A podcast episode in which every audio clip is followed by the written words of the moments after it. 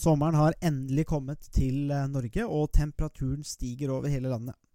Men temperaturen stiger også i det politiske Norge.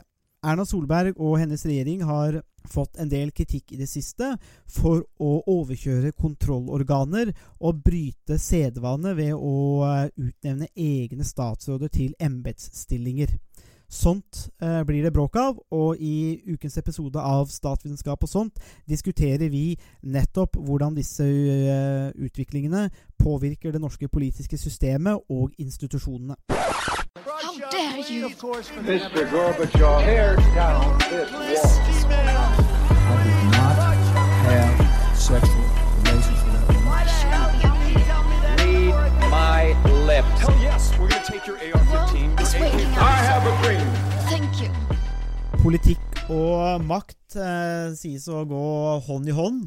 Eh, det har i hvert fall vært et viktig diskusjonsemne i statsvitenskap og politisk teori og filosofi i eh, ganske, ganske mange år. Det er vel noe som har fulgt eh, hele denne eh, politiske tenkningen. Lord Acton, eh, en, av de, en kjent britisk historiker, uttalte en gang at all makt eh, korrumperer, og absolutt makt korrumperer absolutt. Et lite spill der på nettopp rollen til som makt har. Makt er jo et mangfoldig begrep, men særlig i eh, politikken så er dette veldig viktig. Og i en av de store tenkerne, kanskje òg, i, eh, i, denne, i filosofi og politisk filosofis tenkning, er jo Montesquieu, og han utformet jo også maktfordelingsprinsippet. Rett og slett fordi at eh, ut fra den observasjonen at den som har makt, er tilbøyelig til å misbruke den. Eh, og i eh, 1. juni så skrev Harald Stanghelle en eh, kommentar i Aftenposten hvor han pekte på noen eh, hendelser, eh, en utvikling i, eh, i dagens regjering, i Erna Solbergs regjering, hvor det, han mener det har skjedd da, en maktforskyvning mellom regjering og storting, og der taperen er Stortinget. Det er flere eh, problematiske elementer ved dette eh, som, eh, som eh, Stanghelle peker på. Da. Han peker på flere eh, problemområder. Ikke minst dette at eh, kontrollorganer overkjøres og blir svekket. Han oppsummerer også at Stortinget som institusjon nå er på vikende front overfor regjeringen. På viktige områder svekkes de folkevalgte og deres kontrollører mens flertallet ikke vil se hvilken prinsipiell blindgate man er eh, havnet i. Og Det er jo ganske sterk skyts eh, fra, fra, fra Stanghelle, og nettopp fordi at makt er så utrolig viktig da, i, eh, i samfunnet vårt og i statsvitenskapen, så er jo dette perfekt eh, mat for oss i eh, statsvitenskap og, eh, og sånt. Er du ikke enig, Harald? Jo, absolutt. Eh, Du har allerede vært inne på veldig mange viktige trekk, både ved det norske politiske systemet, men også eh, ved politikk, politikkens vesen og politikkens eh, karakter. Det som, noe av det som absolutt kjennetegner politikk som aktivitet, er jo det at det innebærer at noen utøver makt over andre. Og i det så ligger det jo at noen kan bestemme hva andre skal gjøre eller ikke gjøre. Mm. Og det er jo også eh, en av grunnene til at vi, vi tenker at eh, politikk eh, og demokratiet skiller seg litt fra andre områder på, eh, i, i samfunnet. Eh, rett og slett fordi at politikerne de, de har makt over oss, selv om det er i og for seg vi som har valgt politikerne. Eh, når de først er valgt, så er det de som, som bestemmer, og som har skylda eller ansvaret for at vi må betale mer skatt eller mindre skatt, eller at uh, offentlige tjenester blir bedre eller, uh, eller dårligere. Så uh, det Stanghelle peker på, er jo egentlig ganske, ganske alvorlig. fordi det innebærer at makt forskyves fra Stortinget til, til regjering. og det, det i seg selv trenger jo ikke nødvendigvis å være kritikkverdig, for maktbalansen mellom storting og regjering har jo vært i bevegelse uh, så lenge Norge har hatt et storting og Eller helt siden vi hadde, fikk Grunnloven i 1814. Eh, Men det som, eh, som er viktig, er jo egentlig at nå er det en maktforskyvning som verken er nødvendigvis som ikke er, det, er ikke noe som man, det er ikke et bevisst valg man har tatt for å overføre makt fra storting til regjering. Det er rett og slett et resultat uh, av at regjeringen forsøker å eh, tilrane seg uh, en større altså mer, mer makt enn det de har hatt tidligere. Mm. Så det er, det er veld, veldig alvorlig. Og det er også ganske alvorlig noen av de, noen av de konsekvensene og noen av de andre tingene som Stanghelle påpeker også i, eh, i den kommentaren.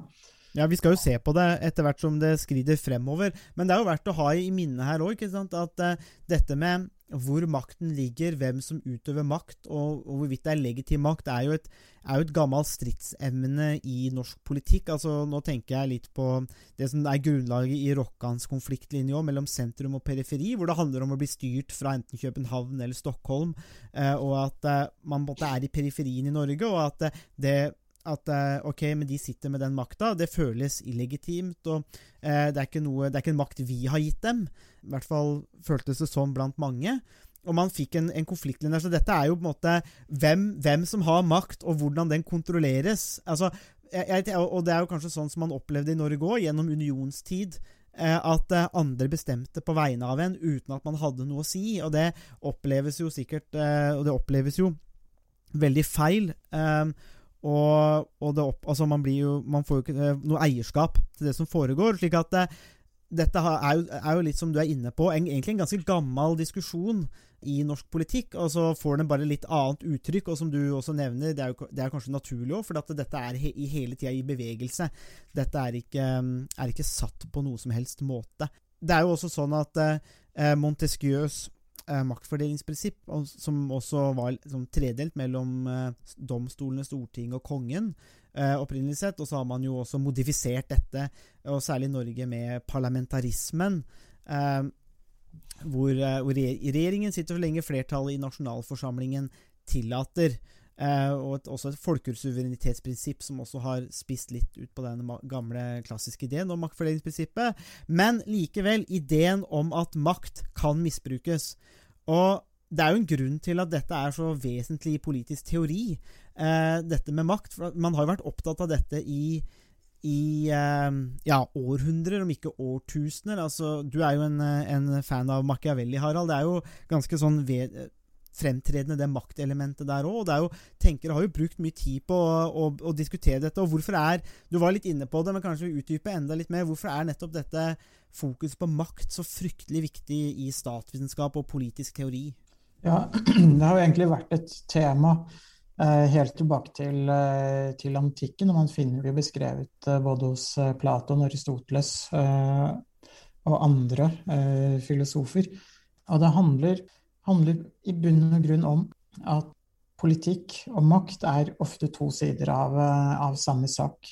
Så, er, de er veldig tett knytta sammen, eh, og det er rett og slett et spørsmål om eh, hvem vi skal, som skal bestemme over oss, og hvem som skal få bestemme i, i samfunnet. Og det er et av de, de mest grunnleggende spørsmålene for statsvitenskap og politisk teori. Og man, man finner jo mange syn på akkurat dette spørsmålet i eh, eh, politisk teori. Altså, hva, og det er egentlig et spørsmål om Dypest sett så er det et spørsmål om hva politikk er. Uh, så man kan f.eks. ta Karl Marx, uh, som argumenterte for at politikk er en eh, klassekamp mellom eh, borgerskapet og arbeiderklassen. Det er det som definerer politikk. Eh, og eh, der er det jo maktforholdet mellom arbeiderklassen og borgerskapet som, som er det sentrale. Så det er på en måte et konfliktperspektiv på politikk og, og makt. Og så finnes det også andre perspektiver som ser på, på en måte, tenker at i et samfunn så er det et slags fellesskap, og det er fellesskapet som, som er grunnlaget for den maktutøvelsen, den politiske utøvelsen. Og det, det som gjør maktutøvelsen legitim, er det at alle deler de samme verdiene i et fellesskap. Og det som skaper et fellesskap, er nettopp det at vi, vi deler et sett med verdier eller holdninger. Eh, så det er på en måte et, et, et, et annet syn på hva politikk og makt kan være. Og så er det også det, Et annet perspektiv er jo, kan jo være å se på politikk som eh, en måte en måte å, å koordinere ulike interesser på. Eh, hvor vi må unngå konflikt og unngå at vi eh, Eller vi må finne måter å unngå at vi, vi vi skaper problemer for, for hverandre, hvor ulike grupper må finne måter å, å leve sammen på. Eh, mer eller mindre fredelig. Så, så uansett hvor, hvordan man ser på hva man tenker politikk er, for bare å ta tre eh, syn på hva, hva politikk og makt kan være, så, så uansett hvordan man analyserer det, eller uansett hvordan man tenker, og tenker at hva politikk er, så, så handler det i bunn og grunn om eh, et, et spørsmål om, om makt, og det å utøve, utøve makt. Og Mm. Hvis vi går tilbake til, til Norge, så innebar jo overgangen til parlamentarismen på slutten av 1800-tallet og begynnelsen av eh, 1900-tallet en maktforskyvning fra regjering til eh, storting. Eh, hvor det ble nødvendig for enhver eh, regjering som skulle styre, eh, å ha et eh, parlamentarisk flertall bak seg Mm. i Stortinget. Her kommer jo Eh, Venstres, eh, Venstres kjente kanskje 'all makt i denne sal', dette mantraet veldig klart fram, da. Ja, det, det som er interessant, er jo at uh, det, som, det som var ment med det utsagnet, var først og fremst at eh, regjeringen skulle møte, altså rent fysisk, i, i Stortinget til, til spørsmål. Ikke nødvendigvis at Stortinget skulle ha all makt, men at all makten skulle samles i, i Stortinget, eh, og at det skulle være en interaksjon mellom storting og, og regjering. Så ofte så forstås eh, eh, den ideen eller det utsagnet om at all makt, all makt i denne sal, om at Stortinget skal ha all makt, men det er, er jo ofte eh, Eller er jo egentlig en, en, eh, en litt overforenkling av eh, hvordan det egentlig, eh, egentlig skulle, skulle forstås. Mm. Eh, Men, men likevel da et bilde kanskje på nettopp den forskyvning av makt um, som, som, som, som det er. Det er vel, og, og, og det er jo nettopp det du er inne på der, at eh, man, det har vært en klar maktforskyvning inn da til Stortinget. Og dette har jo vært en naturlig utvikling av det norske politiske systemet. Fra 1814 og oppover, og, og som også får disse ulike det, det, Kanskje i første fase opp mot som du sier, parlamentarismen, også opp til unionsspørsmålet. Og etter hvert så kommer det nye ting inn som også foran, bidrar til å forandre dette systemet. Altså, vi har jo også arbeiderbevegelsens inntog, men også eh, bøndenes samling rundt Bondepartiet osv. Så, videre, så man får en del sånne re re rekke prosesser der. Eh, men en ting som da har vært viktig, Montesquieu er litt inne på det kanskje, med, med, han, med sitt fokus, det er jo institusjoner. Stortinget er jo en viktig institusjon. Eh, domstolene. Vi har kontrollorganer som skal passe på denne maktutøvelsen, for vi vet vi, For å gjøre en lang historie kort, så kan vi vel nesten bare oppsummere med lord Acton og si at all makt korrumperer. Og vi er litt sånn det er litt, det, er, det er litt skummelt, så vi må passe på det. En måte å korrigere dette på, eller kanskje kanalisere dette på, er jo institusjoner. Spilleregler. At man har litt sånne ordna former. Og det er vel kanskje der òg at eh, det er det noe av det Stanghell er inne på når han peker på hvordan regjeringen overkjører flere kontrollorganer, altså deriblant Riksrevisjonen, og vil ikke ha ut eh, rapporter gjøre rapporter offentlige som handler om eh, våpeneksport, eh, som er litt eh, problematisk for Norge. Man vil, man vil på en måte dysse ned noen av disse handlingene. Og da tenker jeg at eh, ok, det, det, det litt mer overordna bildet her er jo, er jo på en måte en slags undergraving av noen viktige institusjoner. Det handler ikke om at man bare ikke hører på Sivilombudet én gang, eller at man ikke hører på Riksrevisjonen, men sett under et litt større bilde, da, så, så ser det ut for meg som en litt sånn Ja, at det rett og slett er en underminering av, av institusjoner. Og Harald, jeg veit ikke om jeg liker det. Nei, eh, ikke jeg heller. eh, nei, jeg, jeg tror du har helt rett. Altså, det er det som er problematisk. og det, altså Statsvitere er jo eh, nærmest perverst opptatt av eh, institusjoner. Så det at vi opplever at institusjonene undergraves, akkurat det, det er kanskje ikke nødvendigvis grunn til bekymring i seg selv, men eh, man kan vel i hvert fall si at i, i hvert fall i dette, denne situasjonen, Mm. eh, så, så er det grunn til å, til å slå alarm. Og Ja. det som er spesielt der, er jo også at det er eh, eh, Høyre som et konservativt parti, eksplisitt konservativt parti, som eh, eh, går i bresjen for å undergrave mange av de kontrollinstitusjonene. Som, som finnes i det, det norske politiske systemet. Eh, og eh, eh, konservative partier er jo veldig opptatt av at institusjoner, sedvane, tradisjoner skal opprettholdes, og at de, de har en, en verdi fordi de er utviklet over tid for nettopp for å hindre f.eks. maktmisbruk og, og den type ting.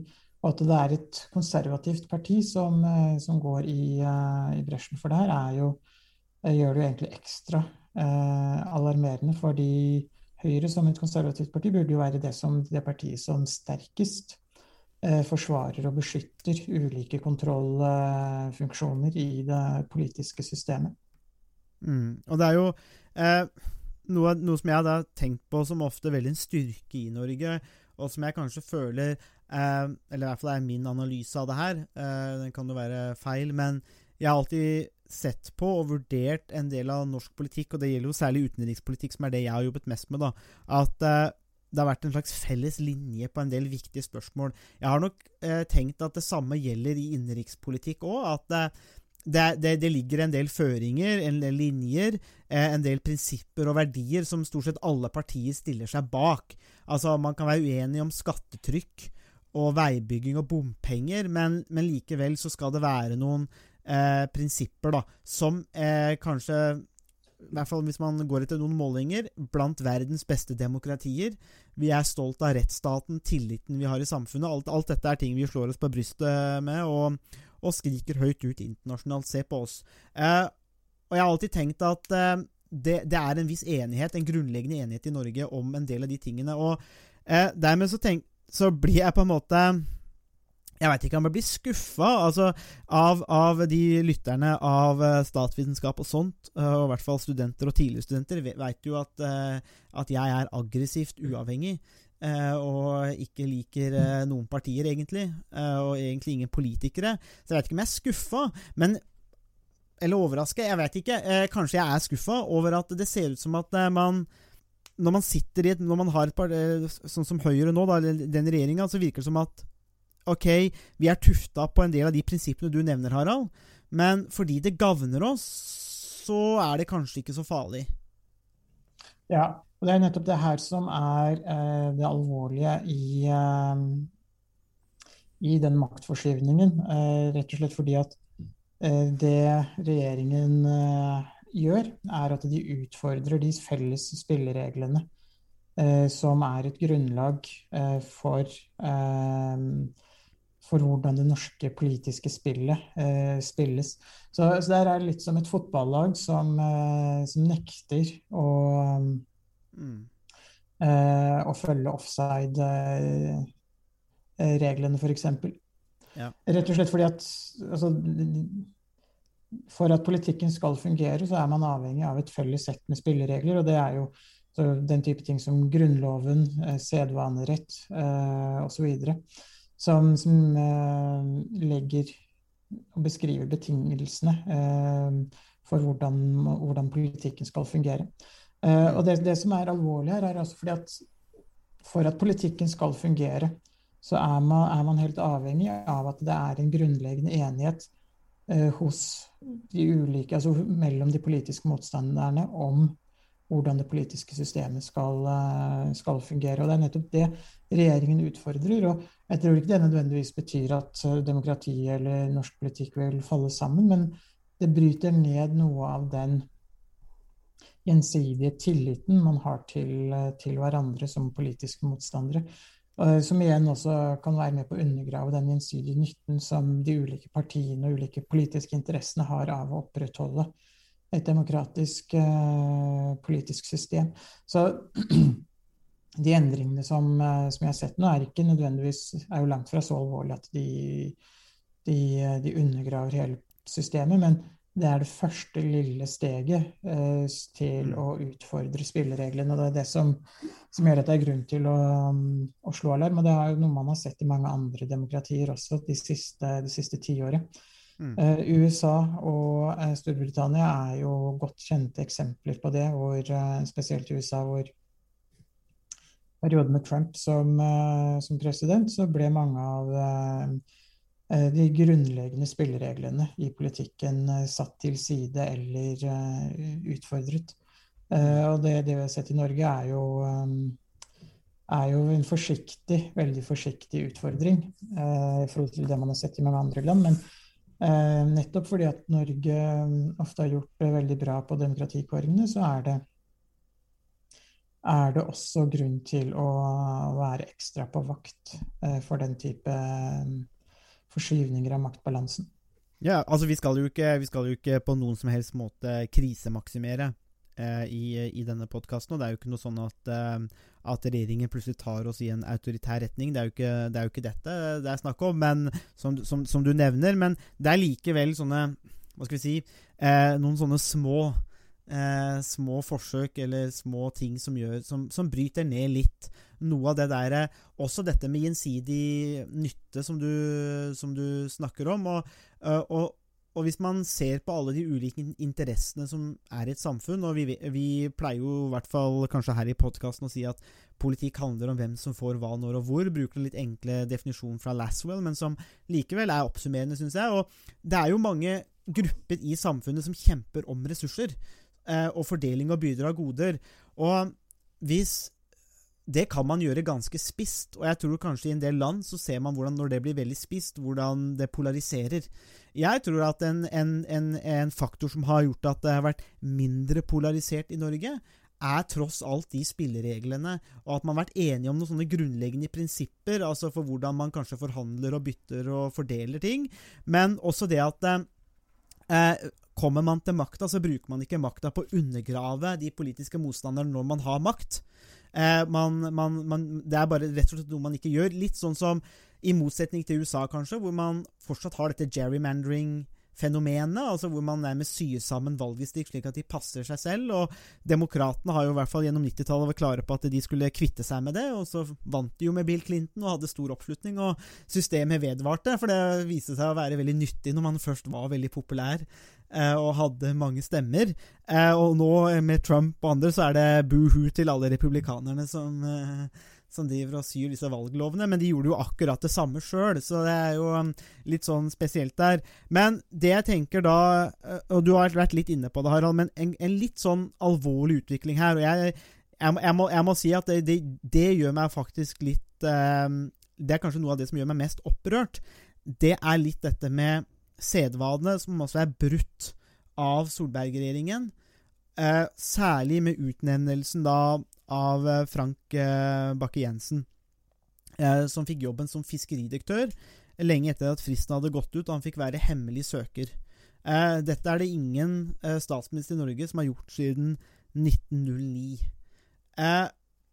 Akkurat den hendelsen den er kanskje liten, men det er jo tre slike hendelser. Men den hendelsen føler jeg at det er et sånn lite brudd og et lite sånn angrep på den gjensidige nytten og tilliten. Og litt sånn at vi belønner våre egne mens vi er i makt. Uh, og det er hvert fall, var i hvert fall noe jeg reagerte veldig sterkt på. Ja, jeg også. Og um, det, det, jeg syns det er veldig alvorlig, fordi det Høyre tjener på å utnevne f.eks. Frank Bakke-Jensen, er jo ganske lite. Altså hva er verdien av en uh, fiskeridirektør? Det er jo egentlig ganske begrensa. Og de eh, velger faktisk å eh, bryte med en, en, en, veldig godt etablert eh, tradisjon og sedvane med at man ikke utnevner sine egne. Eh, som har vart i over 100 år, 112 år, før, den, før dagens regjering eh, valgte å å bryte det prinsippet. Eh, og det, det, overrasker meg litt at man ønsker å bryte så viktige prinsipper eh, for å tjene eh, så lite. Altså det, her, det er veldig lite som står på spill. Jeg kunne forstått det hvis det var eh, en eh, utnevnelse av høyesterettsdommere eller andre posisjoner som hadde en, en mye tydeligere I mye større grad kunne, kunne være tydeligere i den offentlige debatten, den politiske debatten, og i hvordan eh, lover skulle anvendes eller eh, iverksettes osv. Men når det er såpass eh, perifert som fiskeri, eh, fiskeridirektør, så er det Uh, syns jeg det er veldig rart at man går til det skrittet. At man ønsker å, å bryte sedvanen for, Mm. for noe såpass uh, trivielt, egentlig. Og det tyder på at dagens regjering ikke klarer å tenke prinsipielt og se verdien av de prinsippene og den sedvanen som uh, i det store og hele har tjent Norge ganske, ganske godt, og som, som er et, et viktig prinsipp uh, for forvaltning og, og politikk generelt. Um, og som er viktig, en viktig del av maktfordelingsprinsippet eh, også. Så, så det overrasker meg at dagens regjering eh, er såpass lite prinsipielle og gjennomtenkte at de, de gjør det som, eh, som faller dem inn, nærmest, uten å tenke nøye gjennom. Og man kunne jo også si at dette er et unntak, og argumentert XYZ eh, for hvorfor det er et, et unntak som ikke vil føre til en presedens. Men så vidt jeg har sett, så har man heller ikke måte, klart å vise at dette er et ekstraordinært unntak på noen som helst eh, måte eller. Så uansett hvordan man snur vennen på det, så ser det ut som at dette er et eh, eh, en regjering som, som er ganske tilfeldig og lemfeldig med viktige demokratiske prinsipper. Og det er Ja. skremmende og skuffende. Ja, ja det, jeg er helt enig, og jeg, jeg vil bare legge til at, at det, det eneste ekstraordinære med Frank Bakke-Jensen er at han har vært ekstraordinært dårlig eh, som minister. En av de svakeste, vel, eh, vi har hatt. Men det eh, som jeg tenker, det er litt det der med den presedensen du nevner her, for det synes jeg er veldig spennende. For hva, når, når, den, når den sedvanen først er brutt eh, Vi får kanskje, mest sannsynlig, en ny regjeringskonstellasjon om fire år. Blir det da sånn at hvis vi får en ny regjering, at folk posisjonerer seg eh, for nye jobber mens de sitter i regjering? De ser at ok, her går det ikke riktig vei, jeg vil ut av politikken. Ok, men her er det noen stillinger, kanskje jeg kan eh, eh, Altså, det er jo lett å tenke seg det, og, og ma, ma, det, det, jo, det, altså, det er jo mange som man sliter jo litt med, med mistillit, eller altså eh, sviktende tillit, fallende tillit til politikere. Man snakker om politikerforakt. Jeg vet ikke om sånne type eh, hendelser bidrar til å styrke eh, tilliten til politikere. Og jeg har ikke noe mer tro på de andre partiene om å få man en ny regjering. Så har ikke jeg noe mer tro på de enn at eh, når de ser at eh, sedvanen er brutt, så hvorfor skal ikke de f.eks. gjøre det samme, eller hvorfor skal ikke mennesker, rasjonelle aktører i andre partier og regjeringskonstellasjoner også se muligheten til å posisjonere seg for lignende type jobber? Jeg, jeg, jeg ser ikke helt hvordan det der Altså, her, det her kan jo fort begynne Jeg skal ikke igjen krisemaksimere, men jeg syns likevel at det er litt skummelt. Ja, eh, det, det er det absolutt. fordi det, det her kan jo innebære at man, man får en dreining bort fra topplederstillingene i, i det offentlige er rene fagstillinger, Mm. eh, og til at man, de, de blir mer politisk utnevnt. Eh, USA eksempel har jo et system hvor eh, den som eh, blir president, eh, utnevner en lang rekke av topplederne også i offentlig sektor. Og Det er i og for seg greit nok, fordi at etter fire eller åtte år så blir jo, er det jo en utskiftning. Så da kommer det nye fra nye embetsmenn eh, som eh, er utnevnt av den nye presidenten. Ja, det, det er på en måte greit nok, fordi det er jo da er det åpent. eh, og det er mulig å posisjonere seg, og det er en del av spillereglene. Men i Norge så har vi ikke hatt tradisjon for å gjøre det på den måten. eh, og hvis man eh, ønsker å gjøre det på den måten, så bør det være noe man har tenkt igjennom og diskutert på forhånd. At man ønsker at en større del av, eh, av eh, regjeringsapparatet skal være utnevnt, utnevnte toppledere eh, fra politisk hold. Og det kan innebære at man får en slags sånn snikinnføring av et sånt system. Og det vil jo være det, det verste om man endte opp i en sånn situasjon, fordi da er det da er det tilslørt, og det er vanskelig å vite hvorfor noen har fått en bestemt posisjon, og osv. Mm. Uh, og da det, blir det et, et, litt skjult politisk spill istedenfor. Uh, så enten så må det være helt åpent at vi velger å gå for en, en annen løsning, en annen tilnærming til topplederstillingen i offentlig sektor. Eller så må, det, må man beholde den sedvanen som, som, er i utgangspunktet. En slags løsning hvor, hvor det her blir et sånn skjult spill, vil jo være noe som i hvert fall demokratiet eh, vil tape på, og som vil øke mistilliten både til politikerne, men også mellom, eh, mellom politiske, de politiske partiene og politiske motstandere. Det var det vi hadde å by på i denne ukas episode av Statsvitenskap og sånt. Musikken er komponert av Robin Horvath, og Thomas Oculato står for miksing og redigering. Du finner oss på Facebook, bare søk på Statsvitenskap og sånt. Der kan dere komme i kontakt med oss hvis dere har spørsmål eller kommentarer. Der finner dere også aktuelle artikler, videoer med mer. Vi setter pris på om dere liker sida, og deler den med andre som dere tenker vil ha glede av å høre på podkasten. Vi høres.